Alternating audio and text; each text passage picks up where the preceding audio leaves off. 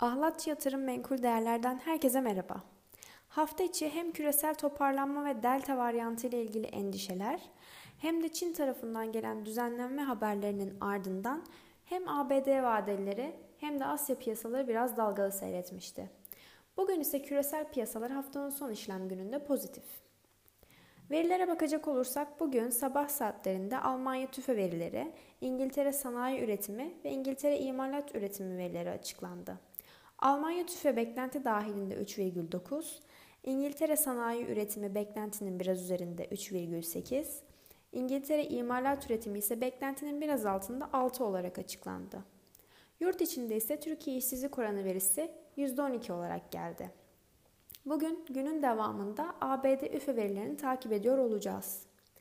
BIST 100 endeksine baktığımızda dün günü 1452 seviyesinde kapatan BIST bugün 1455 seviyesinde pozitif açılış yaptı. Günün devamında 1465 seviyesinde direnç, olası geri çekilmelerde ise 1445 seviyesini destek olarak izliyor olacağız. Dolar TL paritesine baktığımızda dün 8.50 seviyesini test edilmesine rağmen dolar endeksinde yaşanan geri çekilme sebebiyle kurun 50 günlük ortalamanın da geçtiği 8.45 seviyesinin üzerinde tutunamadığını görüyoruz.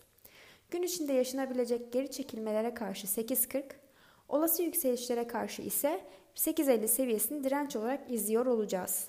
Ahlatçı Yatırım Menkul Değerler olarak keyifli bir hafta sonu geçirmenizi dileriz. Pazartesi günü görüşmek dileğiyle.